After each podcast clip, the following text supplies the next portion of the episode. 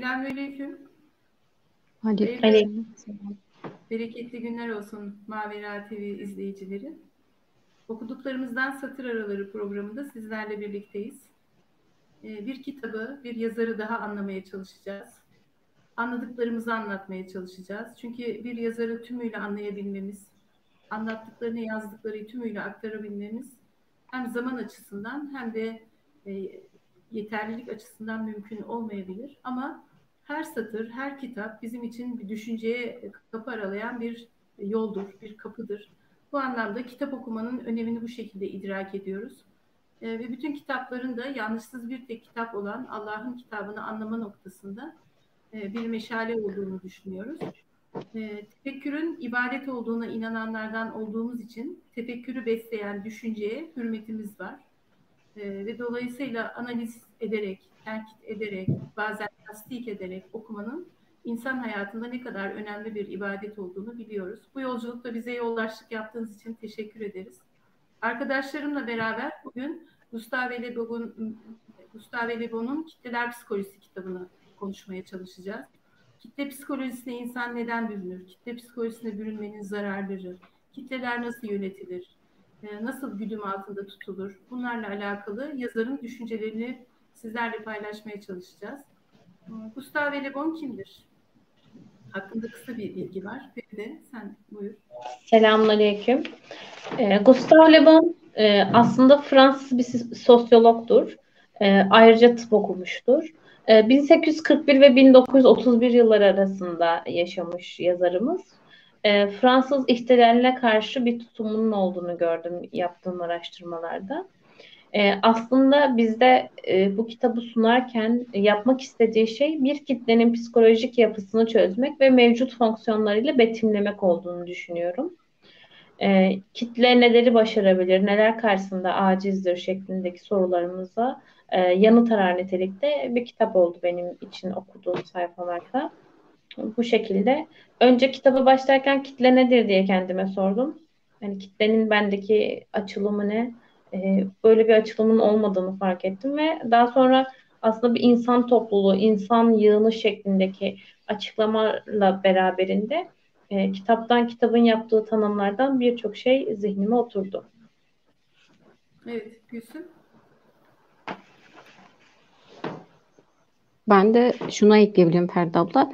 Hani e, aslında diyor ki yazar bu kitapta biraz yani seçkinlerle halk arasında fark olduğunu söylemeye çalışıyor. Çünkü diyor ki insanların birey olarak e, aslında daha ahlaklı iken kitle haline dönüştükleri zaman aslında biraz da bu ahlak e, özelliklerinden vazgeçtiklerini söylüyor ve dolayısıyla bu yüzden biraz eleştiriyor e, kitapta özellikle kitleyi biraz olumsuz yönden aldığını gördüm. Aslında kitle dediğimiz hani insan topluluğu dediğimiz şey e, sadece olumsuz anlamda almamamız gerektiğini düşünüyorum. Çünkü hani bir topluluk insan topluluğu dedi ya Feride inananlar da bir insan topluluğu, Müslümanlar da bir insan topluluğu olduğu için hani biraz o yönden biraz eleştirel baktım diyebilirim. Bir de hani kitapta aslında ümmet kitle nedir? E, o arasında bir fark var Gülsün. Çünkü şöyle ümmet bir ideoloji, bir düşünce etrafında, bir imam etrafında toplanan insanlardan bahsederken kitlede inisiyatif çok fazla olmaz. Kitleler hep nereye sürüldüklerinin, sürüklendiklerinin çok farkına varmazlar. Hatta kitabın içerisinde ilerleyen satırlarda önemli altını çizdiği bir yer vardı e, kitle psikolojisine büründüğünde artık bir insanın doktor, avukat, mühendis, öğretmen olması pek de fark etmiyor. Sürükleni veriyor. Yani orada ama or kullanmak elinden alınıyor. Ama bir yandan da peygamberlere inanan, bir din üzere olan insanları da kitle olarak görüyor ve onları olumsuz yönden de eleştirdiğinde şahit olduk. Mesela Peygamber Efendimiz'e atıfta bunu diğer e, peygamberlere, diğer dinlere mensup olan insanlar da biraz eleştiriyor gibi geldi. O yüzden ben hani, tabii ki ümmet ve kitle farkını tabii ki var hani Müslüman açısına baktığımızda kör körüne değil de aslında ferasete bir basit düzey inanmanın gerçekten inanarak inanmanın inanarak bir yolda ilerlemenin tabii ki Müslümanlar için önemli biliyoruz. Benim söylemek istediğim hani biraz da peygamberlere inananları da o kitle grubuna soktuğu içindir aslında. O kitle değildir aslında. Nur Hayat hoş geldin. Evet. Teşekkür ediyorum. Kolay gelsin. Sağ olasın. Hep beraber hepinize kolay gelsin. Şimdi arkadaşlar kitabımız benim elimdeki baskıdan bahsediyorum. 13 ee, bölümden oluşuyor kitabımız. Ee, birinci bölümde kalabalıkların ruhundan derken, ikinci bölümde kitlelerin duyguları ve ahlakçılığından bahsediyor. Ve kitlelerin düşünceleri, muhakemeleri ve hayal güçleri, kitlelerin kanaatlerinin dini şekilleri, kitlelerin düşünceleri ve inançları, kitlelerin düşüncelerini etkileyen etkenler, kitleleri yönetenler ve inandırma araçları, 8. Ee, bölümde kitlelerin düşünce ve inançlarındaki değişikliğin sınırları, ee, kitlelerin değişik tabakalarının vasıflandırılması ve sınıflandırılması, cani diye adlandırılan kitleler, cinayet mahkemesi yürürleri, seçim kitleleri ve parlamento toplantılarıyla kitabımız nihayete eriyor. Öncelikle mesela kitle ile alakalı kitabın e, Nurhayat sen söylemek istersen kitabın sendeki izdüşümü, çağrışımı ne oldu? Şimdi e, kitleleri daha iyi anladım. Daha önce de anlamıştım ama şimdi daha şey oldu bana e, tesir etti. Günümüzle kıyasladığım zaman daha çok fark ettim ki yazarımız çok haklıymış. Bundan 200 yıl önce demiş ki bu böyle giderse görelim bir müddet sonra ya da yani e, yıllar sonra acaba dünyanın nasıl olur? Şimdi gelinen noktaya baktığımız zaman e, şunu görüyorum. Bir küresel e, güç var ve bütün sadece toplumsal değil yani sadece ülkelere mahsus değil bütün dünyayı kitleleştirmeye çalışan bir güç var. Onu görüyoruz şu günlerde. Ve o zamandan çok ileriye e, görmüş ve düşünmüş olmalı ki yazar. Bunun endişesini de e, yazıyor kitabında yani ileride nasıl olacak diye. Aslında ben e, baştan başlayarak hani bir Gustav'la alakalı işte herhalde başında söylediniz mi bilmiyorum. Kaç yılında doğdu, kaç yılında öldü. Konuştunuz mu onu? Evet. evet. E şimdi ilk e, giriş bölümünde şunu söylüyor. E, yani daha doğrusu kitlelere giriş e, şey ifade etmek için tarihten diyor bu yana uygarlıkların yenileşmesinde insanların iç dünyalarındaki değişimlerden söz ediyor. Tabii ki e, tarih boyunca çeşitli uygarlıklarla insanlık belli bir yere geliyor, değişerek geliyor. O, o değişiklik zaman içerisinde daha doğrusu sona doğru diyelim kargaşa meydana getiriyor. Hı. Bu kargaşanın da sebeplerini şöyle izah ediyor yazar.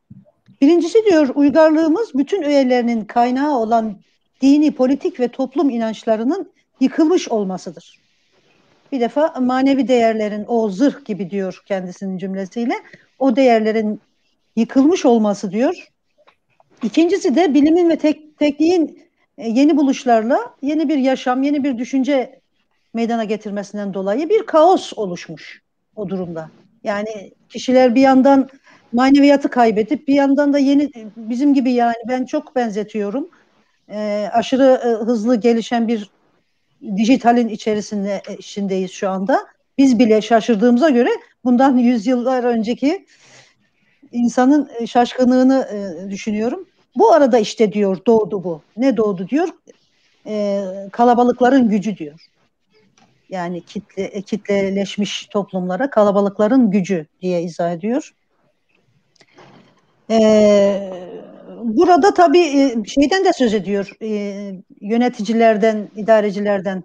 Önceleri diyor e, ülkeleri, toplumları yönetenler belirli bir seçkin e, kişiler tarafından seçilip ve yönetilirdi. Ama şimdi diyor artık kitleler yönetiyor. Bundan sonra işte belki oraya arkadaşlar da değinir. Bundan sonra e, kitlelerin kişiliklerinden e, şey e, nedir e, nasıl oluşmuşlardır ondan psikolojisinden söz ediyor. Vardı ya kitlelerin yıkıcılığından bahsederken aslında kitlelerin yıkıcı noktaya gelmesinin başını görmemiz gerektiğini anlatıyor bize. Kitleler tamamen yıkıcı olan güçleriyle zayıf düşmüş vücutların ya cesetlerin çürümesini hızlandıran mikroplar gibi etki ederler diyor. Bir uygarlığın yapısı çürüyünce kitleler onun yıkılmasını çabuklaştırırlar. Aynen öyle. Önemli bir tespit. Yani e, kitleleri idare eden mekanizmalardaki adalet duygusu, hassasiyetler yok olmaya başlayınca Hani balık baştan kokar diye bir söz var ya. O baştan kokmaya başlayınca buradaki teşbihi güzel. E, işte bu zamanda onların rolleri meydana çıkar. Bir süre için adetin, çoğunluğun kör kuvveti tarihin biricik felsefesi haline gelir diyor. Bu bir de e, kitlelerin e, birey bireylerin bilinçlerinin ortadan kalkması, bilinçlerin yok olması. Bilinç yok olunca da muhakeme ortadan kalkıyor. Hı hı. Muhakeme e, etmiyor ve artık belirlenmiş ezberi şeylere tevessül ediyor o topluluk. E, topluluğun da bir de şeyleri var tabii. E, so, sorumluluk tabii bilinç olmayınca sorumluluk duygusu ortadan kalkıyor. Kişiler belirli belirli gruplar içerisinde e, koyun gibi ya da uyur gibi gidiyorlar diyor. Yani ben açılım olarak söylüyorum. İrade ve seçme kabiliyetlerinin de ortadan kalktığını söylüyor. Kitlelerde irade ve seçme kabiliyeti de kalkıyor. Her türlü yeniliğe karşı bir karşı çıkışları var. Hatta bir örnek söylüyor ya orada. Diyor ki e, Süveyş kanalı yapılacağı zaman onu yapan yöneticiye etmediklerini bırakmadı toplum. İşte şu olur, bu olur, şöyle olur, böyle olur. Yani yeniliklere de karşı belirli bir düşünce yapısına sahipler. Hatta biz deriz ki e, ya adam profesör olmuş, o kadar da ilim sahibi. Neden acaba bu yolda gidiyor hala? Neden acaba işte var ya bizim örneklerimiz işte e, Fethullah'ın arkasından gidenler için de aynı şeyi söyleyebiliriz. Şimdi ee, sen programa katılmadan önce biz bunu e, şöyle izah ettik. Gülsüm ümmetle kitle arasına şey yaptı. E, yazarın benzeştirmesinden dolayı bir eleştiri yaptı.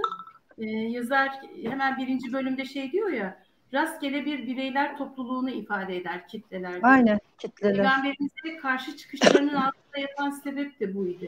Yani ne zaman ki o kitle baskısından, kitle ruhundan, psikolojisinden koptukları zaman iman ediyorlar. Bunu nerede görüyoruz? Ee, Hazreti Musa'ya e, Firavun'un yandaşları olarak Hazreti Musa'ya e, mağlup etmek isteyen sihirbazların e, gerçekle karşı karşıya kaldıklarında şimdi Musa'nın Rabbine iman ettik dediklerini görüyoruz. Ve orada onları kitleleştiren, onların e, düşünme haklarını elinden alan Firavun'un ben size izin vermeden mi secde ediyorsunuz sözüne ellerinizi ve ayaklarınızı çaprazvari kestireceğim sözüne e, sihirbazların artık sihirbaz demeyelim onlara iman eden insanların şöyle cevap verdiğini görüyoruz. Siz sen bundan önce de bize zaten zulmediyordun. Farklı bir şey yapmıyordun ki. Yani o anda ne oldu ki bunlar oraya karşı duruş ruhunu bulabildiler? İşte bunun adına e, o zincirlerden kurtulup tek bir ilah olan Allah'a teslimiyetin meydana getirdiği özgüven olduğunu görüyoruz. Bundan rahatsız oldukları için insanları idare etmek isteyen insan mühendisleri öncelikle o kişileri kontrolleri altında tutmak için nimeti verenin, imkanları sunanın kendilerinin olduğunu göstermeye çalışıyorlar. Bu eziklik psikoloji, yani kitle psikolojisi dediğimiz şey aslında birazcık eziklik psikolojisidir. Feride bir şey söyleyeceğim herhalde. Yok devam et abla. Şu anda değil. Tamam. Gülsüm senin var mı? Ee, ben de girişte hani özellikle orası benim dikkatimi çok çekmişti. Girişte e, bir tespitle başlamıştı yazar. Diyordu ki kitlelerin şuursuz hareketleri maalesef diyor fertlerin şuurlu hareketlerine önüne geçmeye başladı ve bu çağımızın en büyük unsurlarından biri olduğunu söylüyordu. Ne zaman ki bu kitleler öne çıkmaya başladı onların şuursuz davranışları o günde adam bunu yazar bunu tespit etmişse bugüne geldiğimizde aslında artık her şey kitleler halinde ve insanları aslında düşünen insanların değil de sadece var olmak amacıyla oluşturan kitlelerin ele geçirmiş olduğunu e, görseydi belki daha farklı, daha uzun, daha iç, e, acı verici şeyler yazacaktı. E, bu, sizin de söylediğiniz gibi diyor tarihlerin arkasına baktığımızda aslında onların yıkılış sebepleri öyle bir anda olmamıştır. Diyor ki onlar arkasında insanların işte düşüncelerinde, görüşlerinde değişikliğine uğraması sebebiyle oluyor ki Osmanlı'ya baktığımızda onların yıkılış sebeplerinde batıya hayranlıklarıyla başlamıştı. Diğer toplumlara baktığımızda aslında kendilerinde var olan güzel ahlaki şeyleri, güzel düşünceleri bozmalarından sonra aslında yıkma uğradıklarını şahit oluyoruz. E, bu kitlelere baktığımızda kitlelerdeki düşünceler diyor ki önce bir düşünce yavaş yavaş yerleşir ondan sonra aslında oluşmaya başlıyor. E, diyelim ki birinin, birinin bir şey söylemesiyle aslında o düşünce kafasına giriyor ve ondan sonra bir zincir haline geliyor ve o şekilde bu kitleler oluştuğunu söylemişti yazar. E, şimdilik bu kadar Ferda abla. Evet, kitlelerin ruhi karakterleri başlığında e, kitleyi tanımlayan bir bold bendeki kitapta cümle var. Sende de vardır belki Nur Hayato. Kitleyi meydana getiren bireyler kim olurlarsa olsunlar. Hani demin senin o söylediğin profesör nasıl buradan gidiyor diye tanımladığın şey var ya. Yaşama biçimleri, iş güçleri, karakterleri yahut zekaları ister benzer ister ayrı olsun kalabalık haline gelmiş olmaları onlara bir nevi kolektif ruh aşılar. Aslında kolektif çalışmaların içerisine girdiğinde insan e, grup ta, e, grup aforozuna uğrama endişesiyle aykırı görüşlere sahip olsa bile yalnızlaşmak, dışlanmak psikolojisiyle itiraz etme cesaretini kendinde bulamıyor. Hatta motto cümleler vardır ya, e, fikirlerini toplumlara anlatmak isteyen insanlar yalnızlaşmayı göze almayı alırlarsa haykırabilirler.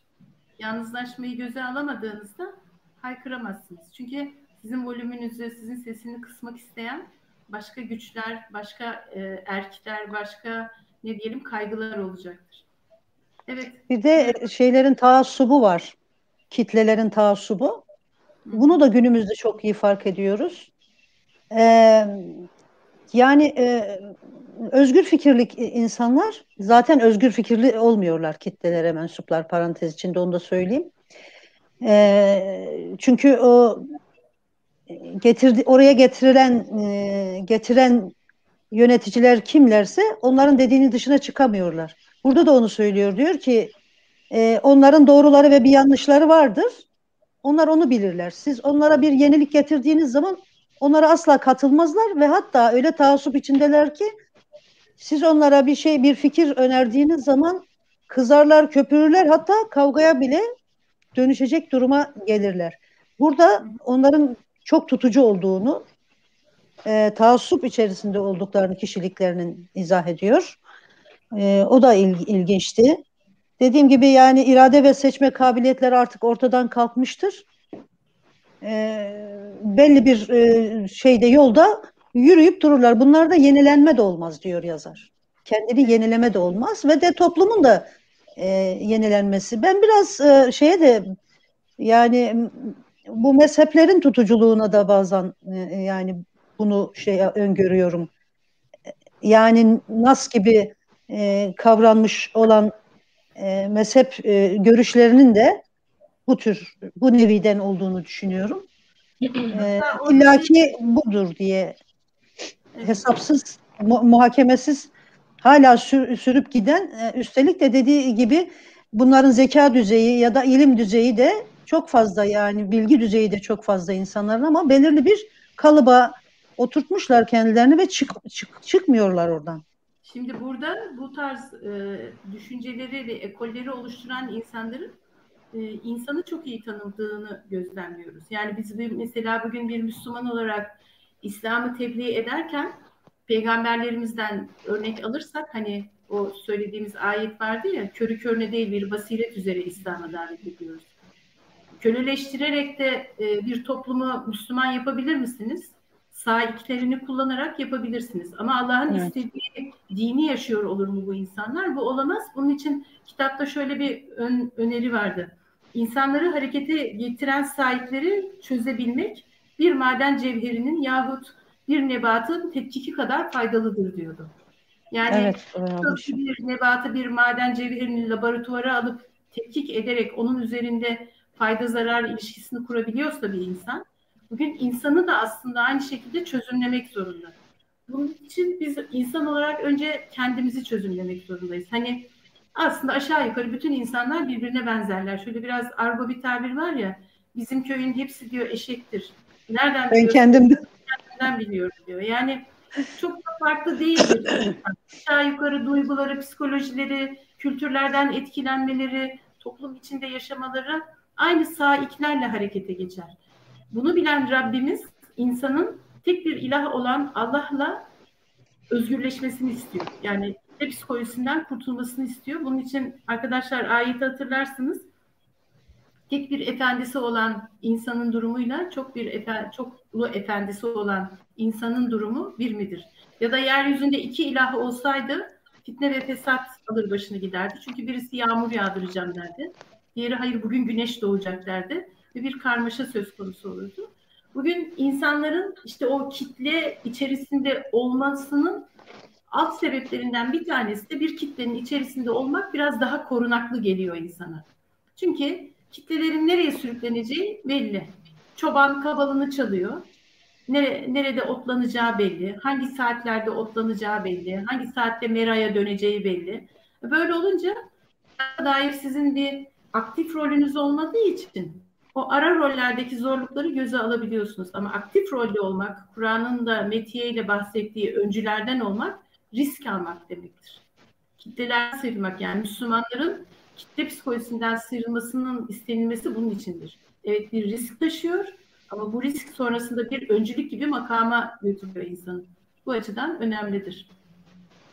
Aslında insanların yerine düşünen birilerinin olması belki de insanları rahatlatıyor. Sürü psikolojisinden bahsettiğinde Ferda abla.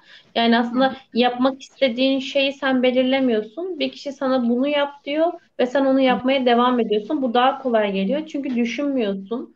Ee, nasıl bir sıkıntıyla karşılaşacağını veya e, önüne neler doğuracağını e, görmeden direkt onun dediği şeklinde yapıyorsun.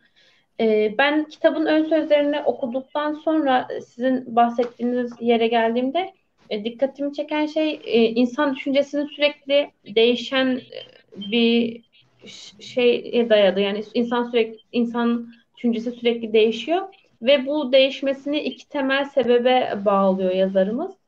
İşte biri din, politik ve toplum inançlarının yıkı, yıkılmış olmasından söylüyor aslında dine de uygarlığımızın bütün öğelerinin kaynağı olarak şey yapıyor, tanımlıyor. İkincisi ise bilimlerin ve tekniğin yeni buluşların doğurduğu yepyeni aşama ve düşünce şartlarının meydana gelmesindendir diyor. Ee, ve kitapta aslında sizin bahsettiğiniz ilk başta da artık işte devlet büyükleri de söz sahibiyken artık kitleler söz sahibidir denildiğinde benim aklıma bu güzel bir şeymiş gibi yani okuduğumda biraz böyle sevindim. Yani eskiden kitleler çok önemli değildi artık önemli. Demek ki artık insan önemli. Ee, artık insan bir şey söylediğinde bir söz e, hakkında fikri olduğunda bu dinleniyor diye düşündüm ben. E, aslında şu anki çağımızda halkla birlik olmak var. Sadece kitle de değil. O Onun şöyle ilk, bir e, var Feride. Şimdi mesela ahlaka e, muhalif bir kitle düşün. Ve bu kitlenin hı hı. idareyi etkilediğini düşün. O zaman kitlelerin baskısına direnemeyen idare kitleyi hakim olarak gördüğü için o ahlaka sadece Allah'ın belirlediği yaşam biçimine değil, fıtrat yani insana ters olan ahlak biçiminin baskısına direnemeyen birisi onu realitede kabul ettiğinde insani hayata karşı çıkmış olacak. Onun için kitlelerin baskıcı gücü e, kontrol altına alınmalı. Yani e, belki de son dönemde toplum mühendislerinin insanlar üzerinde e, endişeleri, kaygıları var ya, yapay zekaların artmasıyla insan gücüne çok fazla ihtiyaç olmayacak. E, peki bu kadar insan nasıl oyalanacak? Çünkü boş kalan kitle zarar vermeye başlayacak. Belki senin saraydaki oturduğun hayatın kapısına da gelip bağıracak. İşte hani kraliçenin malum kraliçenin yaptığı şey var ya bağırıyorlar ne istiyor bu insanlar diyor. Ekmek. Ekmek diyor. E, ekmek bulamıyorlarsa pasta yesin diyor. Biraz daha acıkınca belki sarayın kapılarını kırmaya çalışacak. Bu onu da huzursuz edecek. Öyleyse insanları kitleleştirmemiz gerekiyor. Bunu da neyle yapılıyor bugün? Elimizdeki bu aletlerdeki oyunlarla meşgul edilerek. Hani kitabımızda da vardı ya bazı fikirlerin, bazı aletlerin hayatta kolaylıkla kabul edilmesi, yayılması insanların çoğunun kendi muhakemeleri üzerine kurulmuş bir fikre sahip olma imkanından mahrum olmalarıdır diyor. Kendi evet. muhakemelerini çalıştırmadan bir toplum fikri yoksa, inisiyatifi yoksa tabii ki başkalarının fikirleri arasında e, aktör bile olsam e, öyle bir söz vardı. Kendi yazdığım filmde süflör olmayı başkalarının senaryosunda aktör olmaya tercih ederim demişti. Ben bunu seviyorum. Yani e, o açıdan muhakeme geliştirecek atılımların içerisinde olması lazım. İnsanlar ki ümmet olabilsinler. Yani e, camiye, cemaat olabilsinler. E, ne bileyim insanlığa etki edebilecek faktörler oluşturabilsinler. Burada evet. e, Feride Hocam e, demokrasiden de söz ediyor. Yani aslında e, Fransız ihtilalinin zaten 50 yıl sonra gelmiş Fransız ihtilalinden e, yazar. E, ondan nefret ediyor bir defa. Yani o ihtilalden nefret ediyor. Ama e, hali hazırdaki demokrasiden de e, muzdarip görünüyor. E, mecliste alınan kararlar hatta onları yönetenler diyor hep kitleler, e, kitlelerin sözüne uymak durumundalar diyor. Yani mecliste konuşulanlar, mecliste olup bitenler kitlenin ağzından olan şeyler diyor. Hiçbir zaman bunlar ilerleyişte gösteremezler diyor. Ee, aslında şey de bulmuş, sanki bir çözüm de bulmuş. Ee, daha önceki uygarlıklara biraz önce e, izah etmiştik ya hani seçkinler vardı, onlar yönet, e, yöneticiyi seçerlerdi. Öyle bir sonuca varıyor. Yani diyor ki e, bundan sonra kitleleri durdurabilmek için yöneticilerin e, kendinden bağımsız, e, kitlelerden bağımsız, özgür düşünceleriyle işte yine seçkinlerden oluşan bir grubun kitleleri e, yavaş yavaş alıştırarak onlara e, bu durumdan vazgeçirmelerini sağlayacak bir oluşumun olması gerektiğini savunuyor. E, demokrasileri de şu şekilde şey yapıyor. Demokrasi gelince diyor e, her şey tersine döndü. Yani artık köylü köylü oturmadı. Şehirli e, daha büyük yerlere gitmeye başladı. Hiç kimse işini beğenmedi. E, daha sonra e, okullarda ezberler öğretildi. Bir eğitimi zaten çok eleştiriyor. Anne babalar da diyor zaten çocuklarım aman okusun da işte bir şey olsunlar, para kazansınlar derdine düştü. Ya anlat böyle anlatıyor demek ki insan her yüzyılda aynı gibi geliyor bana. Ee, çok bizden gördüm. Ee, bu noktalara he, sonra şu çok ilgimi çekti. Daha so çok suç oranları diyor arttı ok okuyunca diyor. Üniversite bitirenlerin daha çok cinayet işlediklerini gördük diyor.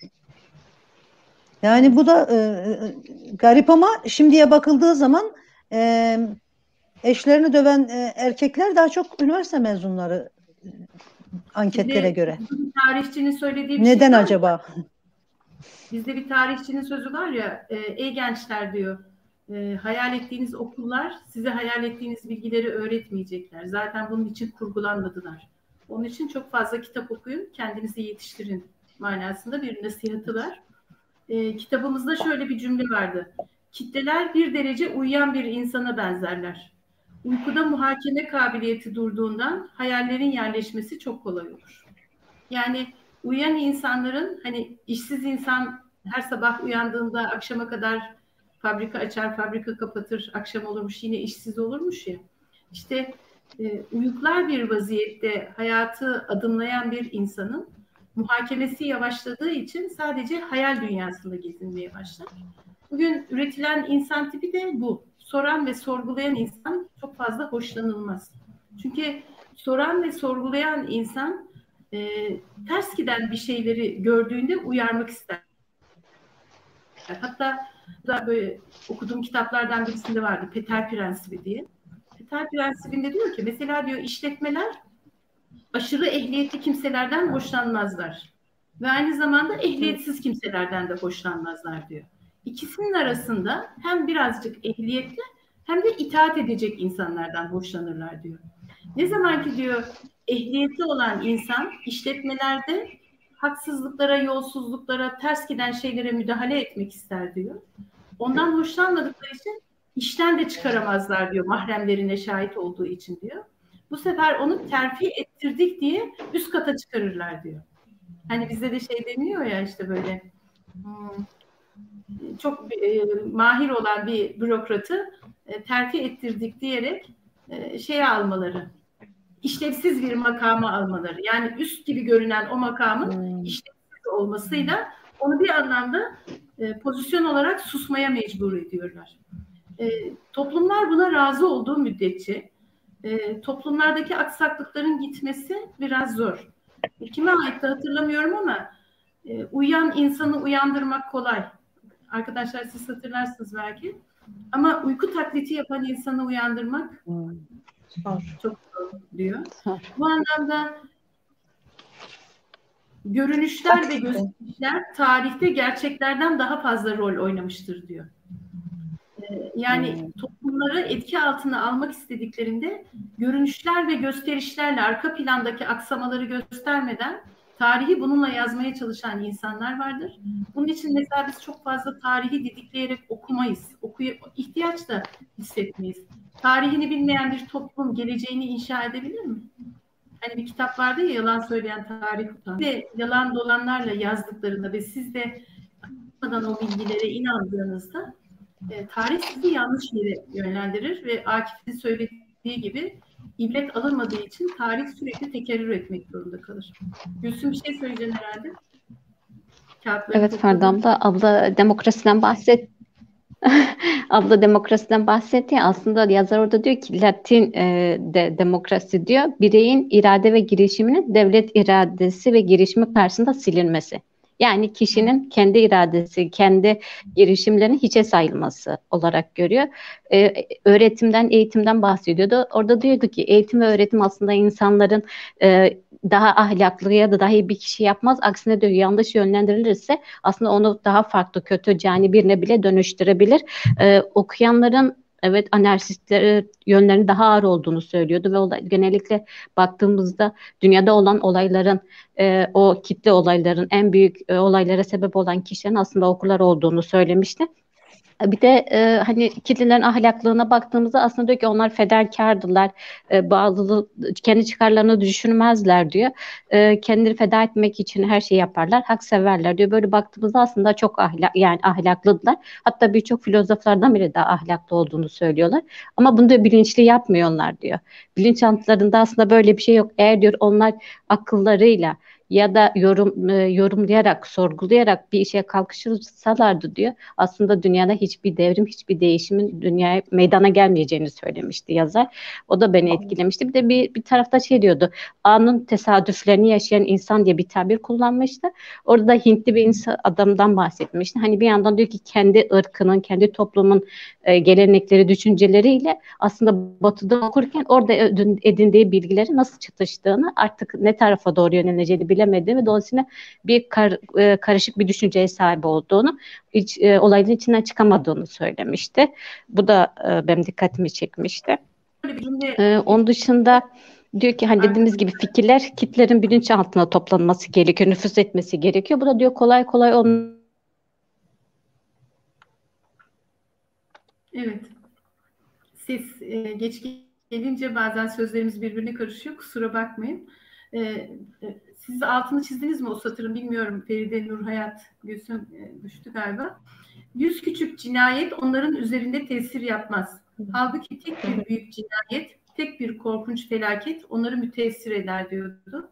Bu cümle bana medyanın algılarımızı nasıl yönettiğinin resmini e, hatırlattı. Yani mesela işte hemen sınır ülkelerinden bir tanesinde insanların e, öldürülmesi, kadınlara kötülük yapılması, çocukların, kadınların sefalet içerisinde kamplarda yaşaması bizi o kadar etkilemezken bazen şöhret olmuş bir insanın e, ölmesi ya da işte hastalanması, onun devamlı magazinsel olarak önümüze sunulması bizim gündemimizi daha, daha ediyor. Bu cümle kitlelerin neye acıyacağını, neye üzüleceğinin de nasıl yönetildiğinin e, resmiydi. Evet, gerçekten biz bazen bir şeye üzülürken e, acaba e, daha yakınımızda olan bir üzüntüyü, daha hakiki olan bir üzüntüyü kaçırıyor muyuz? Kitle psikolojisine bürünerek diye oraya özellikle yıldız koymuştum. Ve şey söylemişti, kitlelerin muhayyilesi üzerine tesir etmek sanatı onları idare etme sanatıdır demişti. Bu anlamda siyasetin önemli olduğunu biliyoruz. Hani politik anlamda değil de e, at terbiyecisine de seyis deniyor ya. Yani seyisin bütün hırçınlıklarına rağmen atını güzel eğitmesi e, ve onun sırtında hedefine ulaşması nasıl bir siyasetle bir eğitimle oluyorsa toplumları ve insanları idare etmenin de bir sanat olduğu cümle olarak karşımıza çıkıveriyor. Evet. Evet buyurun Feride. Ee, ben cinayetle ilgili şey okuduktan sonra e, aklımda başka şeyler de canlanmıştı aslında. Yani birçok büyük önümüzde aslında her gün gözümüzün önünde olan şeyi biz göremezken e, dışarıdan bize gösterilen medya aracılığıyla veya sosyal medya aracılığıyla daha dikkatimizi çekiyor ve daha ihtişamlı duruma geliyor. E, aslında şu anki dönemde mesela e, örneğin bir düğünde bile artık herkesin düğünü aynı şekilde oluyor. E, herkesin evindeki eşyalar aynı şekilde oluyor. Giydiğimiz kıyafetler aynı şekilde oluyor. Aslında kitlelere e, kitapta da bahsettiği e, bahsettiği gibi aynılaşma aslında tek tipleşme. E, bu noktada bunu buna bahsederken eğitim ve öğretimi eleştirdiği kısımda buna eğitim ve öğretimin hemen o sayfayı bulup söyleyeceğim. Eğitim ve öğretimin kesin sonucunun insanları iyileştirmek ve eşit kılmak olduğunu söylüyor. E, tabii bunu kilisenin dogmalarına e, dokunma kadar tehlikeli olduğu şeklinde de eleştiriyor. Bu iki inancı kesinlikle dokunulmalı diyor. Dokunulmamalı. Bence şu anki bizim yaşadığımız çağda da e, bizim dönemimize güzel bir örnek olduğunu düşünüyorum ben. Her şeyimiz aynı. Giyim, kuşam, örf, adet, örf adet de artık aynı. Yani e, doğudaki bir yörede, batıdaki bir yörede, e, güney, kuzey her, her şekilde aynıyız. Bu planlanan bir şey. Dünyanın küreselleşmesi isteniliyor. Dikkat ederseniz o özel kültürler artık müzeleştiriliyor. Yani e, insanlar kendi kültürlerini, kültürel kıyafetlerini giydiklerinde e, müzelik insanlarmış gibi, böyle tarihin derinliklerinden çıkmış insanlar gibi kötü bakışlara ya da hayret verici bakışlara maruz kaldıkları için o kılık ve kıyafeti giymeyi tercih etmiyorlar. Neden? Artık kültür tek yerden beslenmeli. Tek yerden beslenirse kontrol daha kolay olur. Ama farklı farklı kültürlerin içerisindeki insanların hayata dair söyleyecekleri farklı şeyler oldukları için bugün e, giyime tek tipleştiriliyor, yeme içme tek tipleştiriliyor, düşünce tek tipleştiriliyor. Tek mesela e, peygamberimizin çevresindeki insanların bile tek tip bir düşünceye zorlanmadıklarını görüyoruz. E, peygamber evet. ile alakalı bir şey söylediğinde ya Resulallah bunu sen mi söylüyorsun yoksa Allah'ın emri midir, Allah'ın talebi midir dediklerinde e, benim görüşüm dediğinde bir öneride bulunduklarını görüyoruz. Ve peygamberin de o öneriyi dikkate aldığını görüyoruz. Neden? Çünkü böyle tornadan çıkmış ya da sanayiden çıkmış gibi bir tek tip insan üretme e, derdi yok İslam'ın. Ama bugün biraz önce Nur, Hayat'ın değindiği konuda olduğu gibi tek tipleştirilmeye çalışıyoruz. E, ölçülerden ziyade tek tip forma, kıyafet olarak, renk olarak, davranış biçimi olarak aslında insanların dış dünyalarının tek tipleştirilmesi, iç dünyalarını da artık tek düşünce üzerinden inşa etmelerine neden oluyor. E, kitabımızda vardı hatırlarsanız fikir ve inançları tayin eden amiller iki sınıftır. Uzak amiller ve yakın amiller diyordu. Şimdi biz yakın amilleri birebir görüyoruz ama belki bir beş sene sonra bazı düşünceleri ortaya koyduğumuzda şöyle diyebiliriz büyük bir özgüvenle. Ben böyle düşünüyorum. Acaba sen öyle mi düşünüyorsun? Yoksa uzak amillerin etkisiyle böyle düşündüğü düşündürmeye mecbur mu bırakıldı? Kültüründen beslenmeyen insanlar o uzak amillerin etkisiyle yavaş yavaş benzeşmeye ve aynı tip düşünmeye mahkum oluyorlar. Nurhayat bir şey söyleyeceğim. Burada e, evet yani şey geliyor aklıma benim hep taklitçi oluşumuz. Yani taklitçilik öğretilmiş. Hı hı. E, yani niyesi yok. E, benim babam e, küçükken e, işte başını ört falan derdi. E, fakat niyesini söylemezdi. Yani niye derdim derdi ki bizim köyde herkes 7 yaşından beri örter derdi. yani bizim bizim köyde herkes 7 yaşından beri örte, e, başlar örtmeye derdi. Sen de örteceksin derdi. Yani e, böyle mi olmalı yani? Bu şekilde mi gelmeli diye o zaman ben çocuk yaşımda düşünüyordum aslında. E, ve şimdi bu kitle usulü e, insanların da e, taklitçi olduğunu görüyoruz. Taklit de e, şeyin yazarın dediği gibi sirayet yoluyla geliyor. Onun için benzeşiyoruz. Yani tek tip giyiyoruz, şu oluyor, bu oluyor. Belki o moda, o şey okuduğumuz kitapta vardı ya e, din e, nedir dindar ne okumuştuk o kitabın ismini şimdi gösterici dindarlıkta okuduğumuz o modanın e, bize nasıl geldiğini orada da çok ilginç bir şey vardı diyordu ya e, elitler işte gösterici. elitler esasında bir kıyafet hazırlarlar kendilerine onu bir gösterirler bakarlar ki herkes giyiyor tamam ondan sonra başka birine geçerler yani bu da böyle işte sür git taklit yoluyla bilinçsiz bir şekilde o da alır giyer. O da alır e, okur yahut o da e, o hareketi yapar. Yani sadece bu giymeyle değil ki her halükarda her şeyimiz ibadetler bile taklidi olmuş. Mesela e, bir örnek vermek istiyorum. Beni hep düşündürür. Yıllardır e, komik diye anlatı, anlatıyorum bazılarına ama aslında acı bir şey. Bir mevlüt e, töreniydi. Hmm, işte o hani kalkılıyor peygamberin doğum sırasında o şiir okunurken hani mevlid şiiri hani sıvazlarlar böyle bizim Malatya'da şeydir o e, baya bir adet edilmiş. Yani şey sırtlarını böyle e, sıvazlarlar ya. Şimdi o herkes kalktı ayağa. Ben oturuyorum. Kalktılar hepsi ayağa. Sonra e, e, bir öğretmen hanım vardı orada. O da kalktı. işte o da yaptı o hareketleri. Oturdular biraz sonra. Dedim ki ya sen niye kalktın abla dedim. Dedi ki böyle baktı. Ya herkes kalktı ben de kalktım. Şimdi Aslında doğru geçen, da biliyor ama aykırı kalktı ben de kalktım. Yok onu bir ibadet şeyiyle görüyor. Yani orada artık kitleleşmiş yani. O zannediyor ki o oradan gidilecek yani. Onun üstüne bir şey söyledim mi? Onun o söyleyen Mevlüt Han'a söyledim. Dedim ki bak bu kadar insan toplanmış. Bu mu olmalıydı dedim. Beni çok güzel susturdu. Dedi ki Beni buraya mevlüt okumam için çağırdılar dedi. Doğru söylüyor. Bu budur. Doğru söylemişti ve onu da takdir ettim. Ee, bir e, yabancı bir video seyrettim. Ee, bir müddet önceydi. Ee, belki siz de rastlamışsınızdır. Bir deney yapmışlar. Hastaneye birkaç tane adam yerleştirmişler. Hastanenin giriş e, yani hastane değil de poliklinik işte e, doktora gidecekler. Doktoru beklerken işte 5-6 kişi orada oturmuşlar ama üç tanesi şeyle haberli yani anlaşmalı. Ee, içeriden bir düğüt sesi geliyor. Ee, oradan üç kişi ayağa kalkıyor böyle. Kalkıyor bekliyor bekliyor düğüt sesi geçince birkaç saniye sonra oturuyor. Ondan sonra oturuyor oturuyor. Biraz sonra bir daha düğüt sesi gelince yine o üç kişi kalkıyor. Sonra etrafında ki o bir dördüncü kişi bakıyor ki herkes kalkıyor. Düğüt sesi gelince o da kalkıyor. Ondan sonra e, ikinci gelen, üçüncü gelen devam ediyor. Hep düt sesi geliyor. Bunlar kalkıyor, oturuyor. En son o oyunu yapanlar çıkıyorlar.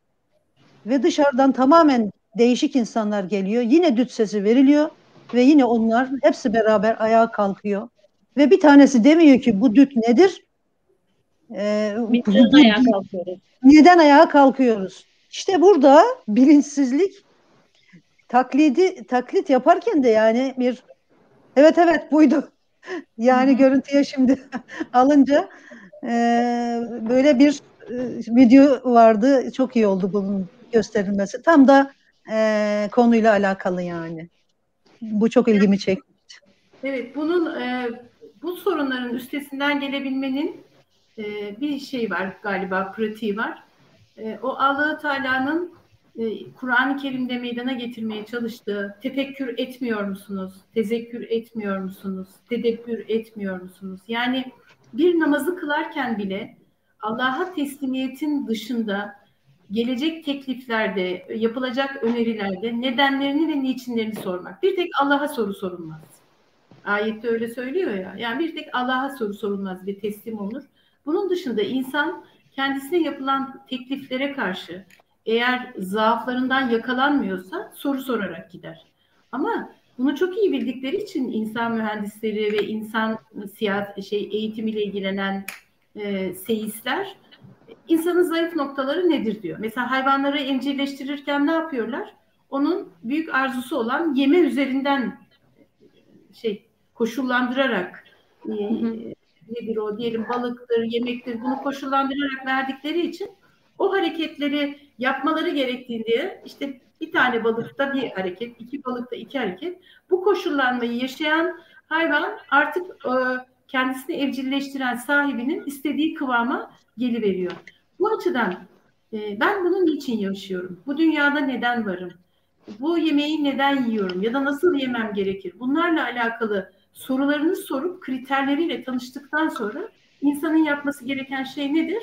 O kriterler üzerinden yol almasıdır. Ama bu da çok sevilen bir şey değil. Yani toplumlar tarafından arzulanan insan olmazsınız. Sevilen insan olmazsınız. Bazen mesela e, bir şeye itiraz ettiğinizde itiraz ettiğiniz noktada haklı bile olsanız çevrenizdeki insanlar size kızarlar. Belki üniversitede bunu yaşamıştırsınız Feride. İşte sınıfta soru soran öğrenci çok hoşlanılmaz.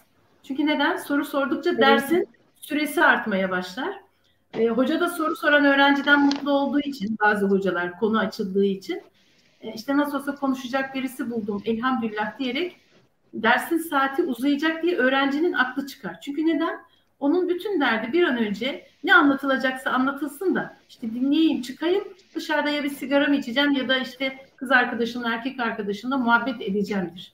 Dışarıdaki hayatta aklı olduğu için içerideki bilgiye kulak verme derdinde değil.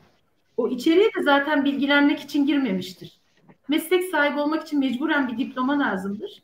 Ve nihayetinde yani bugün bu kadar üniversite mezunu olmasına rağmen çevremizde e, bu cahile adetlerin bitmemesi, sorunların bitmemesinin altında yatan etkenleri de görmemiz gerekiyor. Ama yine süremiz doldu arkadaşlar. Son sözlerinizi alalım.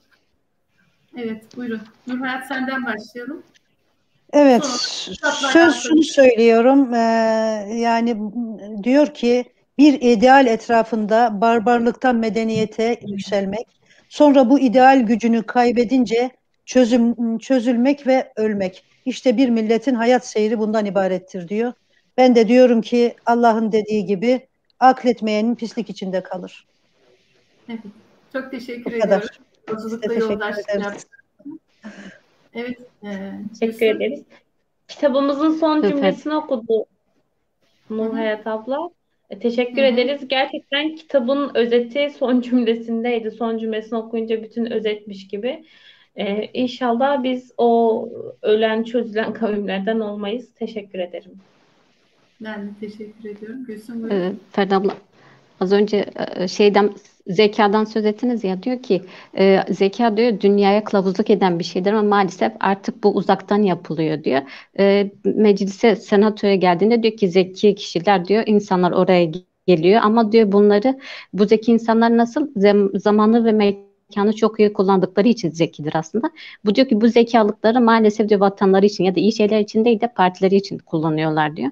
Ve dolayısıyla diyor ki bugüne baktığımızda kitlelerin genel karakterlerini mecliste, e, senatoda çok iyi, parlamentoda çok iyi görüyoruz diyor. Onların işte bağırmaları, e, ondan sonra basitlikleri, çabuk öfkelenmelerini söylemişti. E, bir de Diyor ki e, eğer bir insan gerçekten e, insanların düşüncelerini değiştiren şeylerden bahsetmiş. Buna ırk, gelenek, zaman, politik olduğunu söylemişti. Bir insanın elinde diyor ki e, onu geçmişini elinden almaya çalışırsa ve onun, bunun yerine başka bir şey kurmaya çalışırsan aslında ondan tam bir insan ya da bir toplum oluşturamazsın demişti yazar. Allah razı olsun sizden Ferdi abla. Aslında söyleyecek çok şey vardı. Yani ben çok et, beni çok etkiledi. Kitap çok şey bilgi edindim kitaptan böyle bir kitap önerdiğiniz teşekkür ederim Ferda Kitaptaki her şeyi bahsetmek mümkün değil. E, altını çizdiğimiz satırlar benim defterime, ajandama aldığım notlar daha fazla. Ama bir kitabın hepsini sunmak gibi bir telaşımız yok. Başta söylemiştim. Zaman da buna yetmiyor. Ama kitabı okuyanlar zaten bizim cümlelerimizden geçmişe gider, okudukları satırları hatırlarlar. Okumayanlar için de bir ön bilgi olur. Okunmasında fayda var bu tarz kitapların. Ben de şu cümleyle programı kapatayım istiyorum. Akli tesirlerin yardımından mahrum olan kitleler fazla bir saftillik ve her şeye kolay inanırlık gösterirler. Ee, allah Teala'nın bizden istemiş olduğu akletme e, ibadetini, düşünme, tefekkür etme, tezekkür e, ibadetini ihmal etmeden bu uğurda ortaya koyacağımız çabalarla Allah bize hakkı batıldan, doğruyu yanlıştan ayırabilecek feraseti verecektir. Ee, bizi izlediğiniz için teşekkür ediyoruz Mavera TV izleyicileri. Ee, bu yolculukta Allah nasip ederse haftaya inşallah sizlerle tekrar birlikte olacağız. Ee, mümkün olursa Kikart'ın Korku ve Titreme kitabının analizini yapacağız. Sizler de okuma imkanı bulursanız, e, notlar düşerseniz bize de destek olmuş olursunuz. Teşekkür ediyoruz. Hayırlı günler olsun.